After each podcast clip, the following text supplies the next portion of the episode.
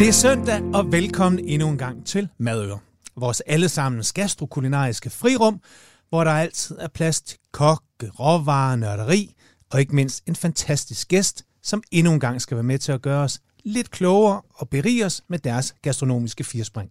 Vi har i dag besøg af en sand kapacitet i den gastronomiske verden. Hun har et CV, som ikke bare er pakket med smag, men også fuld af fucking wow. Og hold dig helt ferie. Hvor er det en fornøjelse at byde velkommen til dig, Hannah Grant. Mange tak. Bare lige for at elaborere en lille smule på det der wow. Så er du kok. Du har sejlet i søværnet. Du har arbejdet på Noma. Du har arbejdet på The Fat Dog. Det skal vi snakke noget mere om. Jeg er kæmpe hest og fan har altid været det. Du har lavet mad til professionelle cykelryttere fem år i streg. Du har været på TV2. En masse kogebøger. Du har lavet tv i USA. Og puster du også lidt ud for tiden, Hanna? Velkommen til med. Tusind tak, tusind tak. Jeg prøver at puste lidt ud. Der er jo Tour de France. Hvor er det dejligt, du har lyst til at komme hen. Og vi skal nok snakke meget, meget mere cykelløb og Tour de France. Men inden vi når dertil, så åbner vi lige med to spørgsmål. Og øh, vi har faktisk valgt at skifte dem ud. Så øh, vi har to nye her. Hvad er et godt måltid for dig, og hvad har du altid i dit køleskab? Åh, hvad er et godt måltid for mig? Det er... Gels. Nej, cykelgels. Ingen gels. Ingen gels, ej. Hvad er et godt måltid for mig? Altså for mig personligt, der handler det jo virkelig omkring... Øh, altså det skal være... Øh, det skal jo egentlig bare være let mm. og lige til og ærligt. Altså jeg er jo kæmpe fan af trykkogeren. Jeg, øh, jeg synes jo, det er let, fordi du hurtigt forbereder tingene, og så gør den jo resten af arbejdet. Der har du en fælles ven i, hvem pokker var det ved hende? Jeg tror, det var Tim Latimer, ja. som også slog et kæmpe slag for den her trykkoger. Hvad er det lige med den trykkoger? Jamen ja, altså, udover at det simpelthen jo er vanvittigt genialt for at spare tid. Ja. Altså nu kommer der lige, ja, og det her er ikke sponsoreret, vel? Man kan lave svinekæber på 17 minutter. No way. Det er jo fuldstændig sindssygt. Altså ossobuco på 38 minutter. Hvor er det vanvittigt. Det er jo helt sindssygt. Altså jeg, jeg, det der med, at sådan, jeg kan godt finde på, når jeg kommer hjem fra mit kontor, mm. øh, så går jeg forbi, jeg har kontor inde i Indreby i København, og så kan jeg, går jeg lige igennem, øh, hvor torvehallerne er. Øhm, og det kan jo være en dyr fornøjelse. Kan man lige passe på med en gang imellem. Og så er der lige sådan, åh, jeg kan godt lige mm, noget ossobuco, og så tænker man, at klokken den er også fem, den når vi ikke i dag. Mm. Men det gør man, hvis man har en trykkoger. Og det er jo det, der er så vildt. Så kan man lige, øh, man kan købe dit, altså man kan ligesom øh, få alle de her fantastiske retter på no time. Og jeg elsker det. Altså, og den der med, der er så meget smag i det, der er så meget power i det, og det fjerner bare besværet fra at lave de her sådan øh, simmerretter. Selvfølgelig, så går der lidt af det der, den, man står ikke og hygger på komfuret med den, fordi den klarer det jo bare selv. Nej, den skal lige have tre timer til. Det er ja. man så også fri for. Men det er, ej, jeg elsker det simpelthen. Det er simpelthen, øh, det er verdens bedste opfindelse. Så sådan noget hardy food i en ja. trykkoger? Ja, det kan jeg virkelig, virkelig godt lide. Altså det, og så kombineret med de der helt lette, simple ting, som bare i virkeligheden er øh, altså, øh, grillede ting, ristede ting. Bare hold det. Less is more er jo egentlig bare sådan mm. den gyldne regel. Øhm, og hvad det, har du så altid i køleskabet? Hvad har jeg altid i køleskabet? Jeg har faktisk altid koriander i mit køleskab. koriander, friske urter, tror jeg godt, man kan sige. Koriander, okay. mynte, altså noget, fordi det kan man...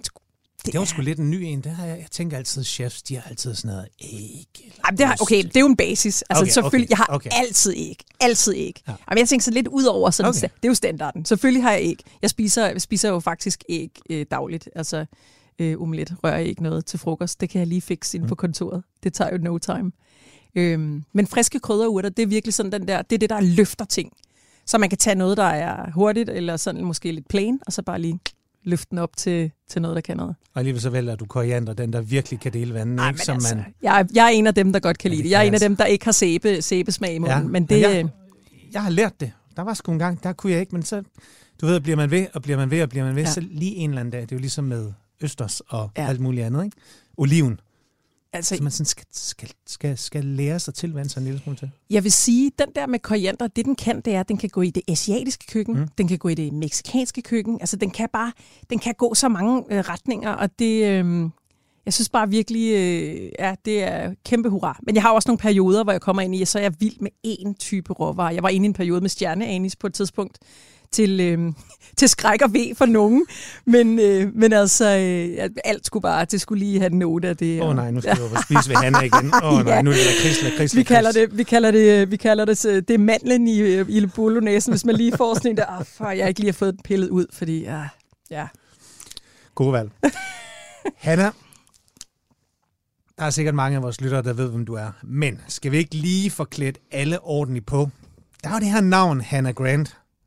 Skal vi slå over, er du Scottish, eller hvor kommer det egentlig fra? Er du født og opvokset over der øh, med tørv og, og havvand og, og det hele? Altså, jeg er jo født og opvokset over there i Aarhus. I Aarhus. Ej, jeg, jeg er født i Aarhus, okay. og så er jeg opvokset i København. Min far, han er skotte. Din far er skotte. Øh, ja, det er der, det, det kommer fra. Det er de skotske aner okay. derfra. Så øh, jeg er opkaldt efter min farmor. Øh, det er meget nemt i min familie, øh, hvis der har været piger. Øh, min far har faktisk, øh, ære ved hans minde, mm. to døtre. Øh, den første øh, opkaldt han øh, efter min farmor, øh, og så blev han skilt, og så fik han et nyt barn, og så opkaldte han sit andet barn efter min farmor. Så vi hed faktisk begge to Hannah Grant. Hun har nogle flere navne. Hun hedder så Hannah Christine Grant. Ja. Nu har hun så fjernet øh, øh, Hannah Grant, der hedder Christine Hagenlund. Så øh, ja, det var jo øh, meget praktisk. Min kusine hedder også det samme. Det er sådan, så er det lidt det let at huske, hvis man har fået lidt for meget whisky, så kan man lige... Øh, så er man sådan, hvad er det nu, de hedder? De hedder det samme. Hvor kommer din madkærlighed så fra det skotske, eller hvornår faldt du i madgryden? Jamen, øh, min farmor var faktisk kok, øh, så jeg er jo ikke nok med at have hendes navn, så har jeg også taget hendes profession. Øh, og min far, han lavede altid, øh, altid meget mad, og var rigtig god til at eksperimentere. Altså, jeg kan huske som barn i 80'erne, at han kom citronskal i mad. Det var jo sådan, altså mindblowing. Det var der ikke nogen, der gjorde. Det var jo virkelig skørt. Øh, og, øh, og jeg tror derfra, jeg har altid fået lov til at være med, og jeg har altid fået lov til at øh, lave ting, og, og mine forældre har virkelig været gode til at lære mig ting fra start. Så som barn kunne jeg piske, øh, altså lave bechamel og lave sådan basis ting. Og, altså, ja, men jeg synes bare, det var fedt. Det var jo ligesom, det blev en, det blev sådan en, en eller anden hobby for mig. Ikke? Okay. Øhm, så du må have æsset den rimelig meget madkundskab der i folkeren? Jeg kunne, ja, det, var, det var svært, fordi der skulle man jo samarbejde med en masse drenge, som, øh, som var virkelig ja. ulækre i køkkenet. Ja. Jeg husker episoden med en kylling og sådan noget. Det var skrækkeligt. Ja. Ej, men, øh, men altså, jeg vil sige, jeg har altid, altid haft fingrene i det, øh, og havde egentlig altid lyst til at, at være kok. Øh, med min mor, som øh, hvis far var overtjener øh, tilbage i øh, under 2. verdenskrig. Han var jo dybt alkoholiseret, så jeg fik også at vide, du skal ikke ind i restaurationsbranchen. Det, er, det, der, så går man i fordærv. Ja. Det er noget råd. Så, så vejen var sådan lidt kentet dertil. Men lad os få den. jamen altså, jamen, 9. klasse stod man der, og så, øh, hvad skal du? Og øh, jeg havde jo egentlig sådan rimelig meget øh, kreativt krudt i røven.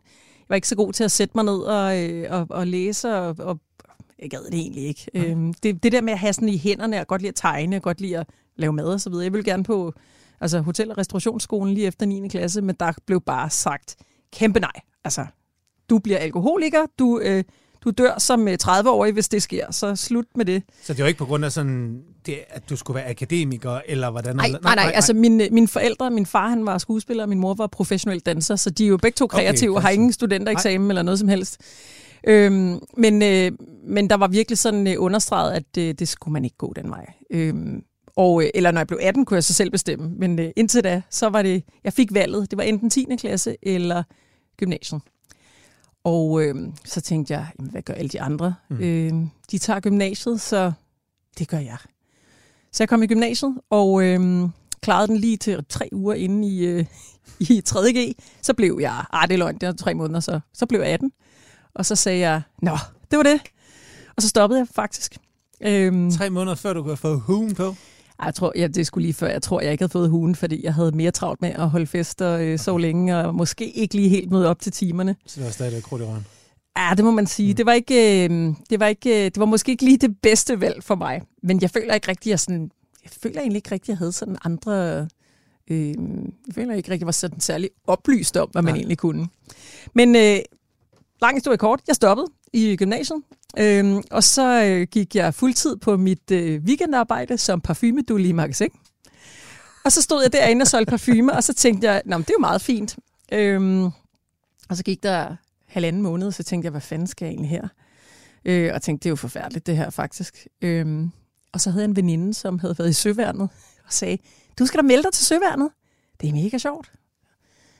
Så tænkte jeg, "Wow, pff, jeg har brug for noget disciplin. Jeg kunne mærke, at jeg havde brug for et spark i røven. Mm. Øh, hvor at jeg Det kunne ikke du selv mærke, det var ikke din mor, der lige Ja, kom nej, det var sgu det. egentlig nok. Altså, jeg tror faktisk, det også kom af, at min mor, hun var sådan her, du bliver aldrig til noget. altså, det var hendes øh, frustration over, at jeg, øh, jeg gennemførte ikke noget, og altså, det, det var bare, ja. Ja. Øhm, og så tænkte jeg, okay, søværnet. Øhm, ni måneder af mit liv. Why not? Så meldte jeg mig, øh, tog til session og øh, blev, øh, blev optaget. Det gør man jo som oftest som kvinde, hvis man melder sig. Ja. Øh, hvis man ikke er helt øh, smadret i, i, i sin krop. Og, øh, og jeg fik lov at komme ind og kunne, øh, fordi jeg meldte mig, så kunne jeg faktisk vælge, hvor jeg gerne ville hen. Og så valgte jeg at tage på et inspektionsskib, øh, der sejlede op ved Grønland og Island og Færøerne. Øh, fordi jeg tænkte, "Nå, men så kan jeg jo se det. Det er da meget fedt. Ja. Så jeg tog grunduddannelsen som kampinformationsgast og fik øh, bronzemedalje i kampsvømning. Og øh, jamen altså, øh, ja, det, det, jamen det, det er jo basisuddannelse at kunne fjernkende en helikopter og, og krigsskib på lang afstand. Ja, det er jeg virkelig ked af, jeg ikke lige fik nævnt i dit CV, Jens, men den har, den har simpelthen gået... Jamen, jeg tror ikke, jeg, jeg tænker ikke, de skal ringe efter mig. Nej. Jeg tror, jeg har glemt Okay. det. Øhm, Så du har ikke meldt dig til reserven som en eller anden... Nej, jeg tror, jeg tror okay. sgu, ikke, de vil nok blive skuffet. I søværnet, øh, jeg ender med at tage et dobbelttogt, og er øh, ude at sejle i fire måneder på et stort øh, skib, der sejler deroppe ved Grønland. Øh, og det er ret vildt. Øh, og jeg lærer en, øh, en, en kok at kende på, på skibet. Som, jeg skulle lige til øh, at spørge, du er ikke i køkkenet på nogen måde her, eller? Nej, jeg kommer jo så ned i køkkenet, når jeg ikke har vagt op på broen, øh, og snakker med min kammerat, en der hedder Karl, en kok, som lige er nyudlært. Øhm, og det er egentlig meget usekset det her. Jeg står og rører i sådan en kæmpe øh, steamer, og øh, hjælper ham med at skulle smage 200 liter bechamel til. Det er rimelig usekset. Mm. Øh, og man står med sådan en par gej, ikke, og rører. Jo, jo. Øhm, og, øh, og der øh, lige pludselig der, der kom det bare til mig. Gud, jeg skulle sgu da være kok. Jeg, ved ikke, jeg, I can't tell you why. Altså, det jo ikke, fordi man stod og nussede med noget lækkert. Altså, Var det stemningen i køkkenet, jargonen, eller var det simpelthen bare jeg kunne bare... 200 øh, liter bechamel, der simpelthen bare... Der væltede ind over mig. Ja. Som, jeg, jeg Ja. ja. tror simpelthen... Jeg, jeg, jeg havde egentlig skubbet det så langt ud af hovedet, ja. at jeg ikke skulle være kok. Øhm, og så lige pludselig der, der, der kom det bare tilbage. Og så tænkte jeg, okay, det er sgu det, jeg skal. Så da jeg kom hjem fra det togt, der meldte jeg mig så til grundforløbet på kokkeskolen. Og, øhm, Til ak og ved for din mor. ej, det, på det tidspunkt, så var Ja. hun sådan, okay, nu øh, du har været søværnet, og du, du kan nok godt øh, håndtere det. Der havde Ja. du mødt den der mandeverden der, som hun Det må man sige. en lille smule. Ej, jeg vil også sige, det er faktisk... Øh, nu, har, nu har vilkårene jo ændret sig meget, siden ja. jeg var elev. Men, øh, men det var helt sikkert på grund af søværnet, at jeg øh, ikke havde problemer med at klare mig igennem øh, i, øh, i sådan en øh, mandsdomineret verden i et køkken Jeg havde der. faktisk skrevet det i parentes her på mit stykke papir her. Ja. Hvor, hvor kommer du i lære? Jamen, øh, først starter jeg i lære på Imperial Hotel. Øh, hvor at min morfar, han var overtjener i under 2. verdenskrig. Ja, det var du jo kan slå nogle sløjfer på det der historiske. Ah, men det er jo så sindssygt. Og jeg, jeg starter, og det er jo et kæmpe sted, altså gigantisk sted med multinik-komfur, dobbelt multinik-komfur, som er sådan et klassisk fransk, mm. altså million kroners komfur, ikke? Øhm, og øh, vi kører, der, vi havde sådan en, en fin restaurant, hvor man fik øh, hængt øh, højreb med banæs, så man skulle jo lære at piske banæs sådan øh, en, en øh, 8-10 liter ad gangen. Det var altså på den hårde måde, og den skulle holde hele service, ikke? Så øh, angst, koldsved lærte man jo at piske de her ægte saucer, så de bare sad, bum, lige i skabet.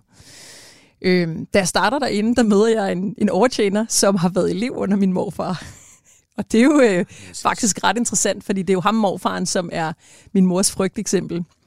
Og øh, overtjeneren derinde, han kigger på mig, og jeg siger, ved du hvad, du har været elev under. Jeg siger, har du været her i omkring den her periode? Ja, det havde han. Jeg siger, kan du huske øh, Kai Viking Nordin? Og så er der frygt i hans øjne. Jeg siger, det er min morfar. Så han bare, "Åh," du ved, han har været en rigtig strid banan, ikke? Okay. Så, øh, men Men det var jo, der en ny. ja, ej, jeg var jo helt, jeg var i bunden Ja, af du var- hierarkiet, ikke? Ja, ja. Øhm, ja, så jeg, jeg holdt et år øh, i det der kæmpe, kæmpe giga-køkken, hvor vi havde slagter og oldfrue og alt muligt. Ja. Ja. Øhm, og øh, kunne mærke, altså jeg lærte mange ting der, helt sikkert. Øhm, og kom hurtigt op på det varme. Øh, altså, og, og stege år kød. er vi her? Jamen, øh, der er vi i, nu skal jeg lige se en gang her, der er vi i øh, 2003, 4, 3, 3. Ej, jeg tror sgu faktisk, det er 4, jeg starter øh, på Imperial. Mm. Og øh, er der et års tid, og øh, da jeg så skal på skole, der vil jeg gerne videre øh, til et sted, der har lidt mere finesse og detaljer. og kommer på noget, der hedder Hansens Køkken og Bar, som, øh, hvor at det, køkkenchefen var fra Kong Hans. Så der var, sådan, der var styr på det, og det var sådan kæft, trit og retning på sådan en, øh, en fed måde, som jeg bare jeg havde lyst til det. Jeg kunne mærke det der, jeg kunne godt lide at have systemer og orden, og det der sådan køkkenhierarki, det kunne jeg sgu egentlig meget godt lide. Men vidste du, hvilken slags kok du ville være? Nu har vi jo talt med rigtig mange her i mad, og der, det, er ret, det går tydeligt op for mig, at der er nogen, der ved det ret tidligt, hvor gode de vil være. Der er nogen, der vil være kokke, og så lige pludselig så acer de, de finder ud af det, fordi de får rosen, rosen, rosen, og siger, så presser de sig selv om. Men der er også nogen, der, der, der ved det sådan tidligt. Jeg kan blive god. Jeg vil være god. Hvilken slags var du? Jamen, øh, jeg tror, jeg er født med en slags evig optimisme, og måske en lille smule storhedsvandvid, fordi jeg skulle jo bare være en af Danmarks bedste kvindelige kokke overhovedet ja. nogensinde. Øhm, og øh, så det var ret, øh, altså det var sådan, øh, det var det, jeg gik efter. Men det, der var mit problem, det var jo, at når man starter som elev, så har du jo ingen erfaring. Og du sælger dig selv på dine blå øjne, og din øh, entusiasme, og dit gå på mod, og så videre. Så det der med at komme ind de der steder, var jo, altså det var jo svært. Der var ikke særlig mange Michelin-restauranter på det tidspunkt i København. Nej. Øhm, og man hørte de her frygthistorier ude fra, øh, fra øh, Francis, øh, hvor de smuttede, øh, hvor de skulle ned og tisse og skyndte sig at løbe ud. Ikke? Og det samme med Lauterbach. Ikke? Folk var jo angst for at være de der steder. Ikke? Og hvordan passer du ind i den der mandeverden? Nu nævnte du det selv lige før. Jamen altså, øhm, man lærer, øh, når man er... Når man er nu, nu, ja, vi, vi tager lige en disclaimer og siger her, at ja. altså, tiden har ændret sig. Meget. Ja, det, det har den virkelig. Ja, jeg vil gerne lige sige, fordi det, sådan er det forhåbentlig ikke mere. Men øh, altså, der var jo, man var en af i gåsøjne drengene, og øh, der blev talt om altså, ja. alt, hvad der kunne. Altså, ingenting var helt vel? Øhm, og øh, hvis du kunne svare igen og sørge for at altså, øh, være på samme niveau, så fik du respekt, og så kunne du være i det. Øhm, og øh, og det, det passede jeg fint ind i. Ja. Og det er jo sådan en underlig ting, fordi i dag kan jeg godt mærke, når jeg ser det med nogle andre øjne, at jeg faktisk egentlig ikke synes, det er særlig fedt, at det har været. Altså, at det, det der øh, miljø ja. var sådan, fordi man var sådan, øh, hvad er du, øh, kan du håndtere det, kan du, kan du holde til det? Mm. Og det synes jeg egentlig, øh, i mange år tænkte jeg, nej, sådan er det jo bare.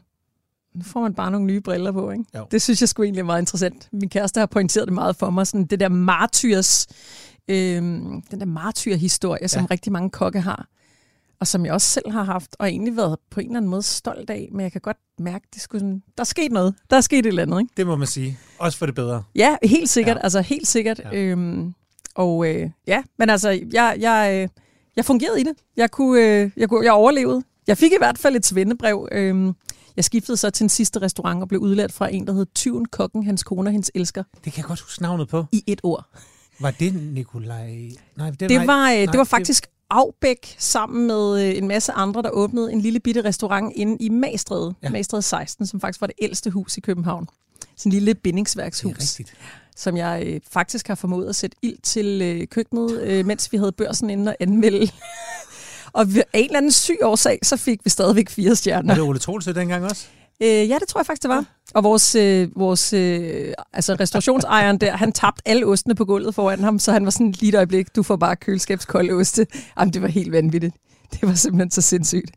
Men øh, ja. Men du blev udlært? Jeg blev udlært, ja. Og så når jeg kigger på dit tv, så har du en eller anden idé om, at du stadigvæk vil være god. Ja. Og det er jo ligesom der, du har været på Noma. Jeg har været på Noma. Det kommer jeg først senere. Det er først senere? Ja, det er først senere. Jeg, øh, Hvad jeg, gør du her efter, du udlært og ligesom tænker, okay, jeg skal fandme være god? Altså, inden jeg bliver udlært, der har jeg allerede ansøgt om at komme over på The Fat Dog. Ja. Øhm, fordi... Og det er jeg ja. glad for, at du nævner, det skal netop. jeg, øh, jeg, øhm, der var jo meget tale om El Bulli og alt det her. Jeg, mm. Øh, det, det var jo ligesom det ypperste. Det var jo molekylær gastronomiens højborgstid dengang. Øh, man skulle have, man sparede alle sine øh, kokkeelevspenge op for at få de der dyre, dyre bøger fra El Bulli, så man kunne kigge på, hvordan man kunne lave spirification, og jeg ved ikke hvad. Ja. Det var før teksturserien kom, ikke? Jo. Øhm, og, og før at man kunne få alle de her sous ting og sådan noget. Det var jo bare mindblowing, ikke? Jo. Øhm, og, og Heston Blumenthal? Han var, jo, han var jo det tætteste på det, jeg kunne komme på det, fordi man kunne kun komme ja. på El Bulli, hvis man havde erfaring fra 60-stjernede Michelin-stjerne-restauranter, og det havde jeg ikke. Så der var ikke nogen adgang der. Øh, så jeg udfyldte en, jamen det har vel nok været en 8 siders ansøgning til uh, The Fat Dog at sende, uh, for at komme derover og arbejde kvitterfrit, uh, som man jo gjorde. Og, ja.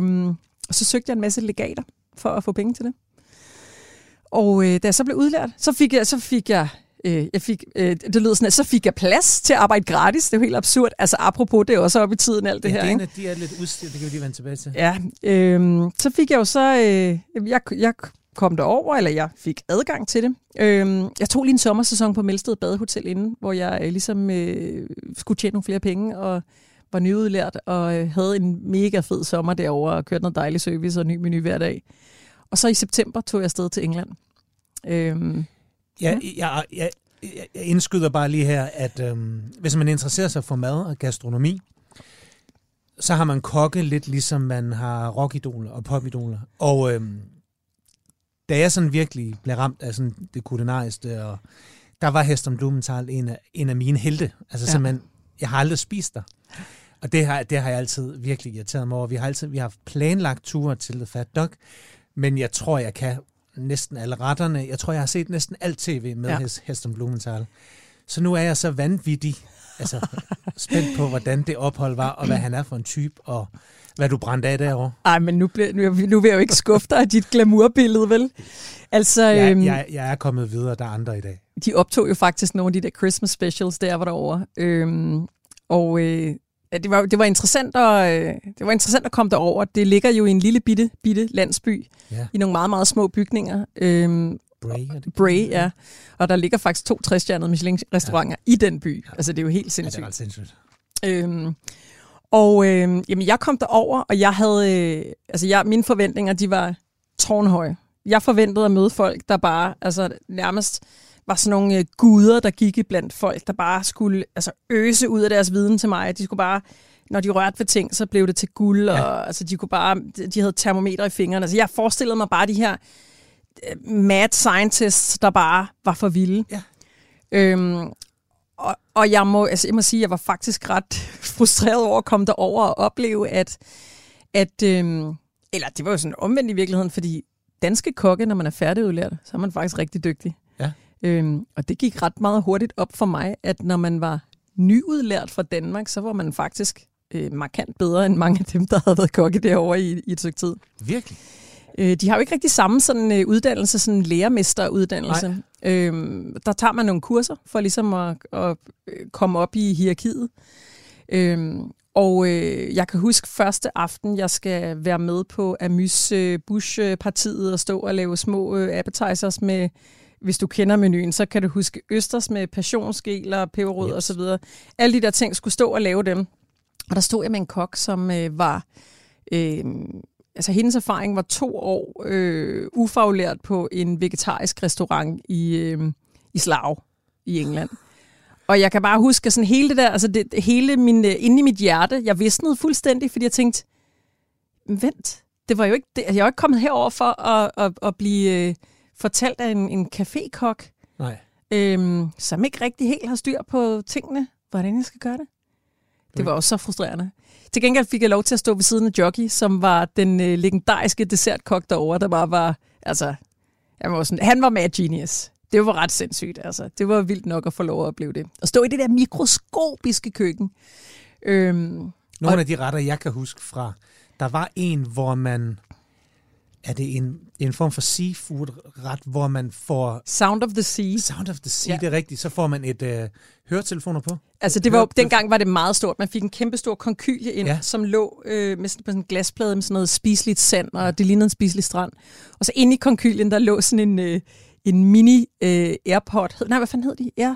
Du kan ikke iPod. Ja, ja, en iPod. Ja, en af de der, ja. Sådan en mini, mini en, der ikke havde display, ja. så lå den derinde, og så tog man dem i, og så kunne man høre bølgerne skulle ind over, mens man spiste ja. det der. Der blev virkelig arbejdet med det sensoriske. Ja, det må, det må man sige. Ja, det altså, var, det var, øh, det var en, altså, jeg var heldig også at få lov til at spise der i samme periode. Øhm, det var ret vildt at opleve, både at, at være på bagenden af det, men også opleve det på den anden side. Men det er jo spændende, fordi jeg er stensikker på, at sådan en... Øh, hvor vil alkemist være i dag, uden Heston Blumenthal og uden øh, El Bulli, ikke? Det er jo nogle af de der ting, som man kører videre på og forsøger lidt at vække den der bølge igen, altså, ikke? Jeg vil sige, da, da Rasmus han åbnede Alkemist i øh, øh Aarhusgade på Østerbro, ja. den første udgave, øh, som øh, var lå i den hedengangne sådan Davids Bistro, Øhm, det var ret interessant at opleve, fordi på det tidspunkt, der var sådan rent kokkemæssigt molekylær gastronomi, det var ikke hot. Nej. Det var sådan, øh, ej okay, lad os se, vi er over det her. Been there, done that. Ja, og det var egentlig meget interessant at se ham tænke, at det var, øh, det var nu, vi skulle til at rulle med det her. Øhm, og, øh, og den sådan menu, der ligesom kom frem der, det var mange af de der altså, klassiske retter øh, fra de restauranter. Mm. Altså, jeg har været heldig nok at spise på El Bulli, inden de lukkede, og få, øh, altså, ja, det var ret sindssygt. Det var en vild oplevelse. Ej, det var sindssygt. Vi kom som de første og gik som de sidste. Det var hjernedødt. Altså, det var vanvittigt. Ja, der fik du lige uh, tørt af på mig. En ting er, jeg ikke lige fik. Og så lukkede de, og så var det lukkede slut. De, og så er det også slut.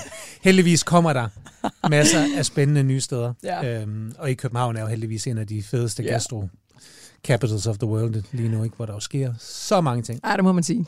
Ikke mindst med Rasmus og The Alchemist, som vi stadigvæk planlægger at få ham i studiet her på et eller andet tidspunkt i Madøre, så vi kan få hele hans fortælling om hans fantastiske Ej, men jeg har stadigvæk til gode at spise der. Det har jeg. Det glæder mig også til. Det var interessant at se. Det er noget interessant at følge Ja. ja. hans, hans proces. Jo. Det synes jeg virkelig. For jer, der lige er kommet til, så er det her Madøre på Radio 4. Det er hver søndag kl. 12.10. I studiet i dag har jeg Hannah Grant. Og vi har snakket gamle dage, vi har snakket Fat Dog, men nu skal vi til noget, vi næsten lige har berørt. Danmark, og især København, Vejle, Sønderborg, havde fornøjelsen af at være Grand Depart.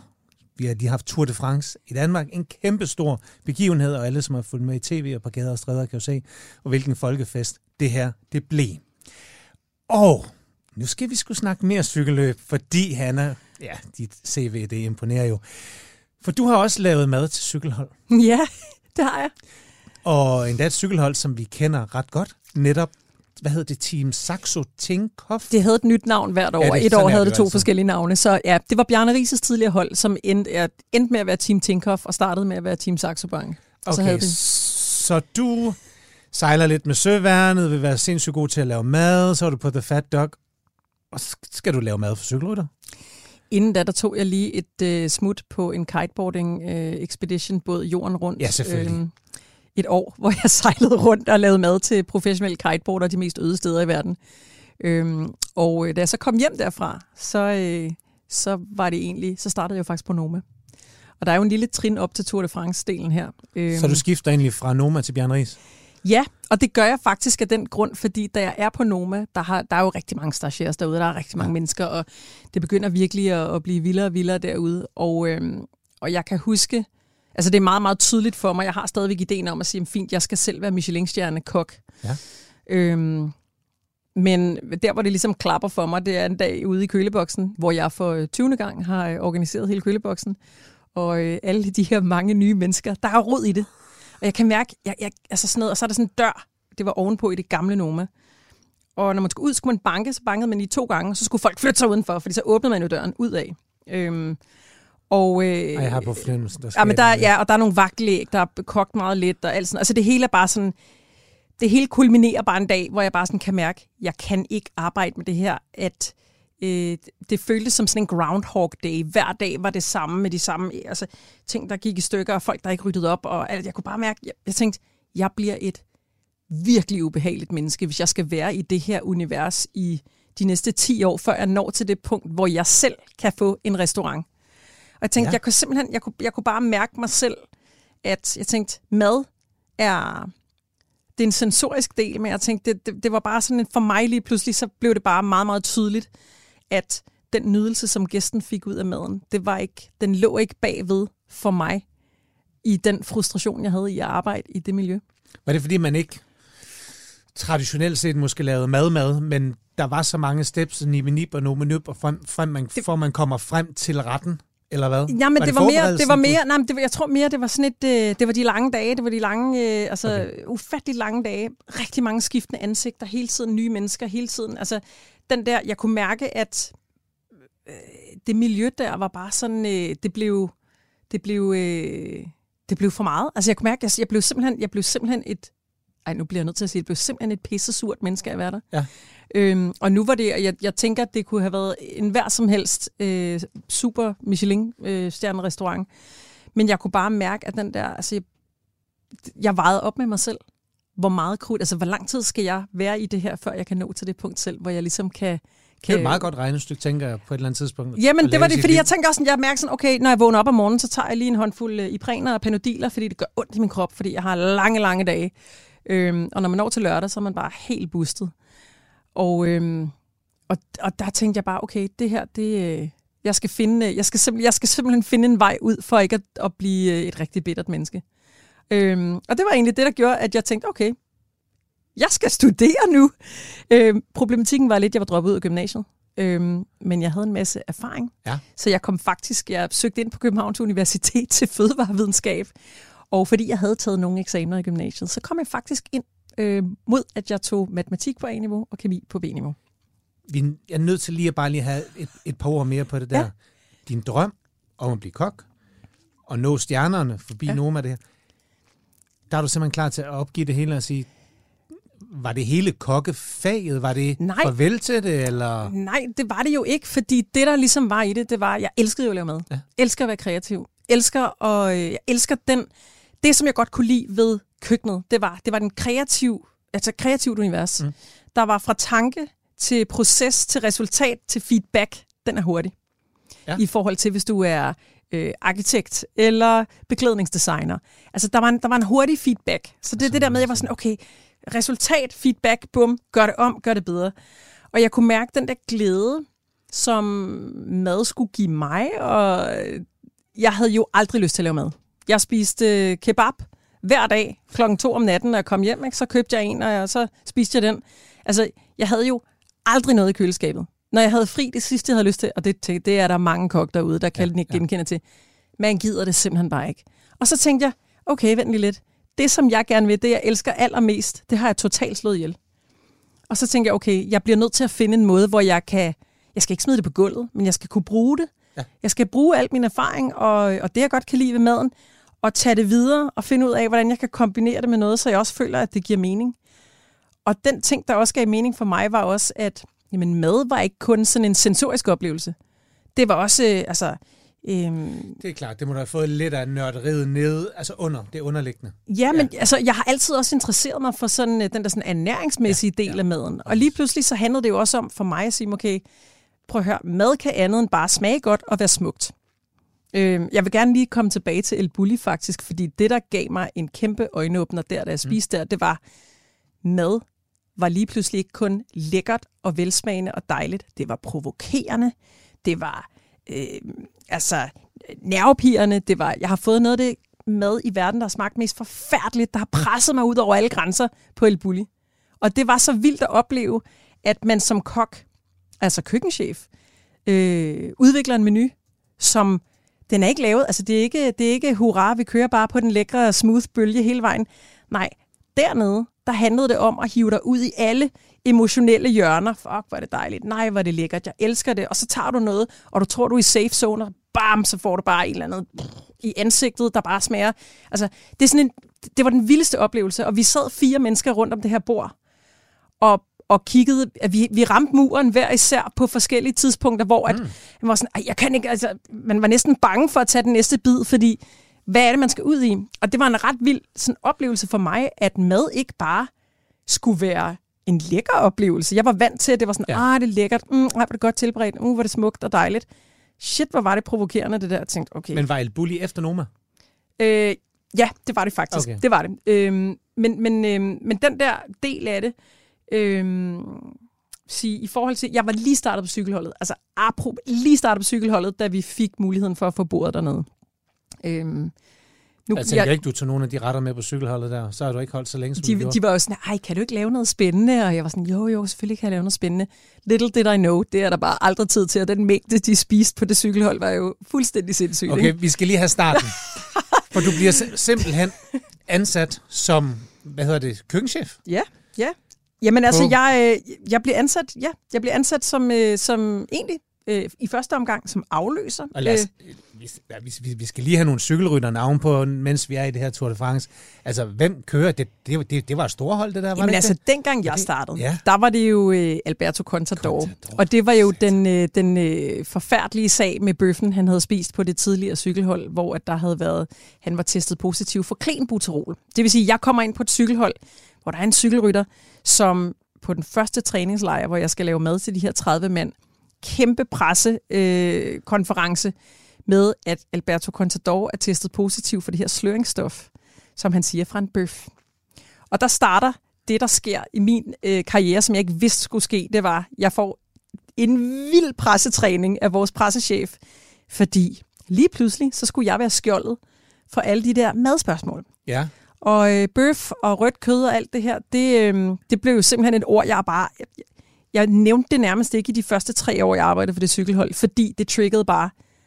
Altså, det triggede hele den der sag Men der. var det en bøf, du havde lavet? Nej. Nej vel? Nej, jeg, jeg, jeg, jeg, skulle bare lige være... Jeg skulle bare lige være Jeg vil også gerne sige, der er... Øh, altså... Øh, nu skal jeg ikke... Øh, det kan godt være, vi skal... jo, du kan- skal. Jo, okay, du skal. Nu skal du altså, jeg, jeg, vil, jeg vil sige det sådan, der er jo... Øh, hvis man serverer mad for et cykelhold, Ja. øh, så får alle rytter jo det samme at spise. Ja. Så unægteligt er det jo også lidt mystisk, hvis det kun er en, som bliver ramt af noget. Der er mange historier her. Ja, den er også weird. Jeg vil sige, det, det, er jo sådan, det, er jo, det her er jo et betændt område at gå ind i. Øh, specielt fordi jeg stadigvæk, altså, øh, det var en svær sag. Altså, det var en svær sag at være i, og det er en, øh, det er en, en, en skør sport, ikke? Jeg skal så ikke fokusere på nogle af de andre sjove oplevelser, du har haft der. Hvordan kommer man overhovedet i gang? Vi har, vi har her i programmet tidligere talt med nogle af de her kokke, som har været med i tv-programmet Over Atlanten. Ja. Umut og, Jesper Volmer. Og jeg tænker egentlig, det må være sådan lidt det samme, som at blive kastet ud i, hvad fanden pro- Ja. provianterer? Hvad, hvad skal vi lave? Øh, Og så videre, og så videre. Hvordan, kan du huske din første dag? Ja, ja, det kan jeg virkelig godt. Det var, øh, min første dag var jo øh, en 14-dages træningslejr på Mallorca med 30 cykelrytter og mig alene i køkkenet på et spansk hotel med udstyr, der ikke virkede. Det var et, øh, det var faktisk et mareridt, og øh, jeg var øh, øh, meget, meget tæt på at øh, sige, prøv at høre her, det må I selv finde ud af, fordi det her, det hænger ikke sammen. Jeg ved ikke, hvordan jeres tidligere kok har gjort det her. Det kan man ikke. Fordi hvad? Man kan ikke lave mad til 30 cykelrytter. Nu skal det lige siges, 30 cykelrytter Ja. spiser jo som 90 mennesker. Ja. Tre måltider om dagen. En person, 14 dage Altså, var det kun dig? Og så var der køkkenpersonalet, som skulle lave til de andre. Men det, som der jo var så absurd ved det her, det var, Ja. at jeg kommer ned i det her, og de siger, jamen det har de andre gjort før. Og sådan, okay, men hvor meget hjælp får jeg? Jamen, der er nogle kokke, der kan hjælpe dig. Jamen, det var vanvittigt. Altså, jeg var, det er nok de, de hårdeste 14 dage i mit liv, det der. Altså, det var så sindssygt. Øhm, og det vildeste var jo, at jeg havde forberedt så meget altså hjemmefra i forhold til, okay, bestil varer, menu, og holdet havde jo ligesom briefet mig med, okay, vi vil gerne gå den her retning, det skal være mere sådan øhm, whole foods, og øh, vi skal ja. væk fra ketchup og hvid pasta og masser af grøntsager. Jeg tænkte selvfølgelig, jeg er kok, jeg kan jo lave, hvad end det skal være. Øhm, little did I know, selvom at du er pro-cykelrytter, så, øhm, så betyder det ikke, at du nødvendigvis gider at spise det, der bliver serveret, som holdet synes er det rigtige for dig. Så jeg havde jo lavet en masse ting. Altså den første dag, der knoklede simpelthen servere øh, min, øh, min mad, og øh, rigtig mange af rytterne, de kigger, og så kigger de over på hotellets buffet, hvor der står pomfritter og alt muligt, og så går de bare derover og tager det. Jeg var sådan, undskyld, jeg er, altså, det var så sindssygt. Det var den vildeste oplevelse. Det første år var ret hårdt. Øh, der var rigtig meget modstand i forhold til, hvorfor skulle de nu have alt det her nye mad? Hvorfor skulle vi øh, ændre det? Hvorfor kunne de ikke bare få øh, ketchup og pasta og det, de plejede at få? Men, men det må have været dig sammen med ledelsen og ernærings... Ja, der var rigtig mange, er- der var rigtig Ja, mange indover der. ja. Øhm, men jeg var jo ligesom skydeskiven for det. Så de synes jo, jeg var, jeg var jo øh, satans, øh, satans yngel, der kom der og fortalte dem, hvad de måtte og ikke måtte, øh, eller i hvert fald i deres øjne, ligesom øh, lukket for noget og åbnet for noget andet. Så det første år var altså virkelig vildt. Jeg var alene øh, hele sæsonen. Jeg starter, der er jo de her Grand Tours. Tour de France er jo en Grand Tour. Ja. Og øh, jeg starter i maj, altså jeg starter i januar, tager det der træningslejr, skal på en masse øh, løb op til, og man er alene. Jeg havde en køkkentruck, gør rent, handle, kører 300 km i bil imellem hver, øh, altså imellem hvert hotel hver dag, Altså, du har en køkkentruck, som du laver mad i? Som jeg lavede med i. Ja. Øhm, og, og du kan jo nok tænke dig til, hvis du har en restaurant på jul, der skal servicere otte cykelrytter, som er 25 menneskers, øh, altså Altså, nu, jeg bliver simpelthen detaljenørden. Prøv, lige at bryde det ned. Ja. Bilen holder et eller andet sted. du får varer til bilen, som du, Som jeg selv handler. som du selv er ude at handle. Ja, ja. Altså, det er jo et logistisk mareridt at være kok for et cykelhold. Ja.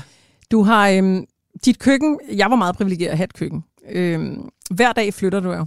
Altså, det er en ny by hver dag. Ja. Øhm, hvis ikke du har et køkken, så skal du ind i hotelkøkkenerne. Det har jo også været. Og øh, alle kokke i verden har ikke samme rengøring, sådan, øh, hvad skal vi sige, etik og, øh, og standarder. Så hvad der er rent i et albekøkken for en øh, meget fuld køkkenchef, er ikke rent for en dansk kok Nej. og standard. Nej, nej. Øhm, når man skal sådan skrave muk af brædderne, inden man øh. Eller man, kan, man skulle jo købe nyt udstyr, det var jo simpelthen forfærdeligt. Men jeg havde så en køkkentruck, der kunne komme med nogle steder. Og man starter jo sådan en dag med at stå op, øh, jamen, øh, halvanden time før, at rytterne skal spise, bag brød, gøre klar til morgenmad, sætte op, alt ind på hotellet i deres øh, banketrum.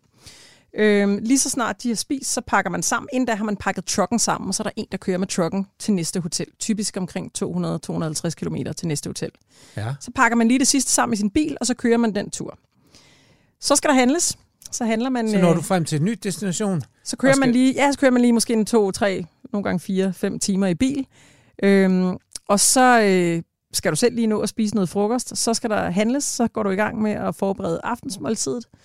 Øhm, og så øh, serverer du mad, pakker, altså pakker sammen, gør rent. Så skal du selvfølgelig sove. Det er nogle meget, meget lange dage, det her. Og Hvad er det sådan fortsætter. aftensmåltid? Bare sådan prøv at give os en indikation af, hvad... Jamen, øh, altså, jeg havde, jeg havde ligesom sådan delt det op i øh, at- at gøre det let for folk selv at kombinere tingene. Så du har øh, kompakte kulhydrater. Øh, typisk et udvalg, enten af, det kan være kartofler, polenta, ris, quinoa, det kunne også være pasta en gang imellem. Øh, to versioner af det. To forskellige typer protein. Kylling var ligesom det, alle kunne blive enige om, de godt kunne lide. Ja. Og øh, så var der et alternativ, som kunne være fisk, eller lam, eller øh, kalv, eller hvad det nu var. Så hvis man ikke kunne lide det, så kunne man tage kylling.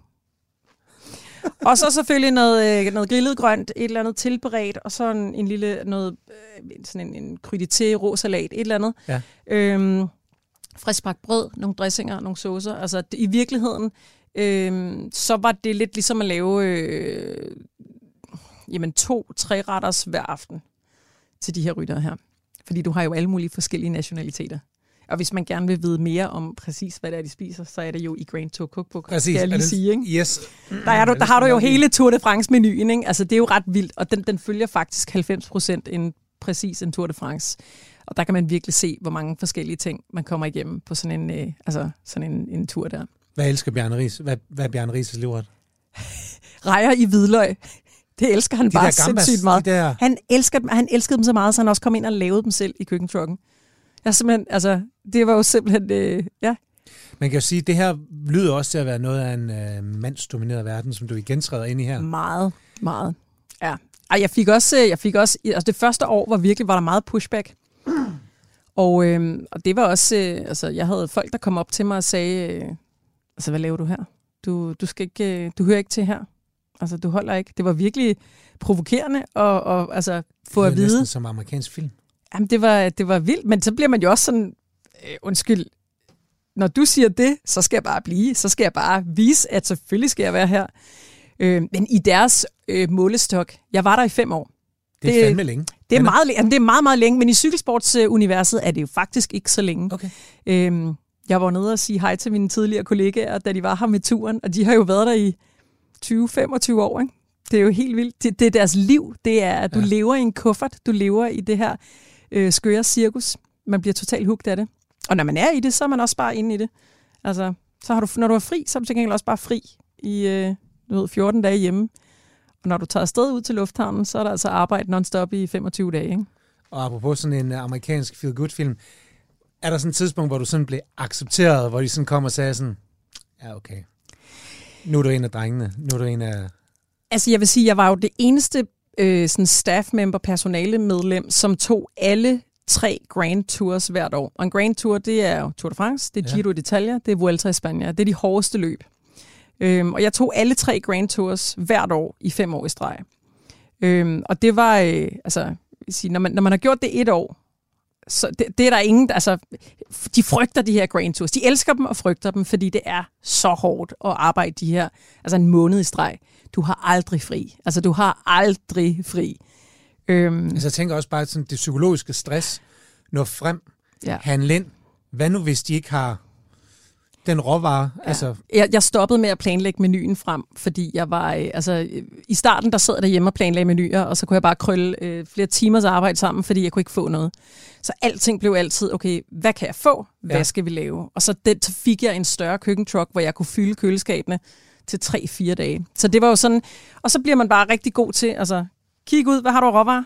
Og så er det bare, okay, i dag laver vi dang, dang, dang, dang. Altså man bliver vanvittig god til at øh, altså simpelthen bare øh, menu, lave menuer øh, ad hoc øh, fra hvad du har.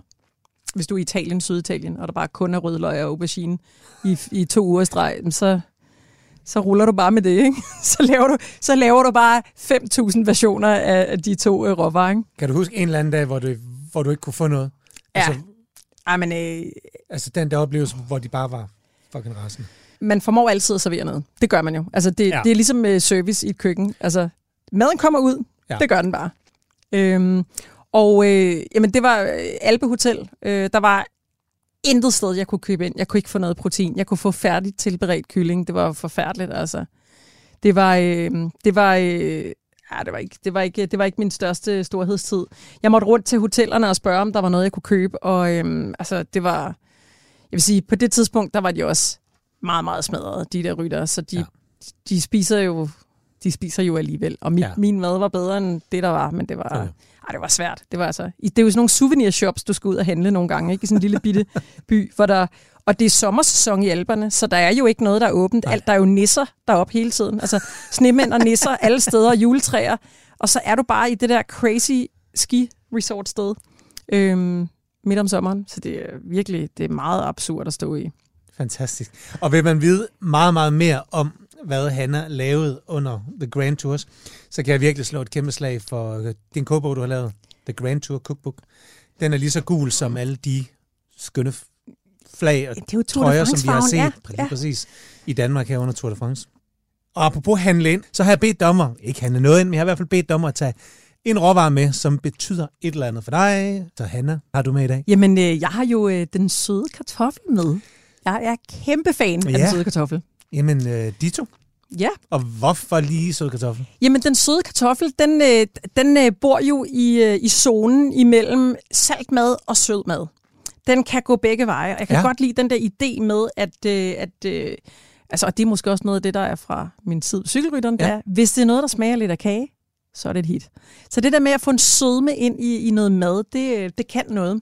Og så begyndte jeg sådan egentlig at arbejde med den søde kartoffel, og trække den over i, øh, i kageuniverset, Ja. som faktisk er en ny bog, jeg arbejder på, hvor jeg bager rigtig meget med basen af sød kartoffel i stedet for mel. Og øhm, Ja, Ja. Vi, vi havde... Pokker var det, vi havde inde? Øh, vi havde uh, The American Pie Chick, yeah, som netop havde en sweet potato chai pie Ja. med herinde. Og der er jo næsten ikke noget bedre. altså jeg er kæmpe, kæmpe fan af det, og bruger det netop fordi den har, altså den, den smager sødt, den Ja. smager sådan lækkert, men den er ikke sådan, den overdøver ikke, så du kan trække den i rigtig mange retninger. Og det er fedt ved at bage på sød kartoffel. Altså mange af de opskrifter, jeg laver, faktisk alle sammen. Der er ikke noget mel i, der er ikke noget tilsat sukker. Dadler, sød kartoffel, smager som altså, fuglene synger og fantastiske kager.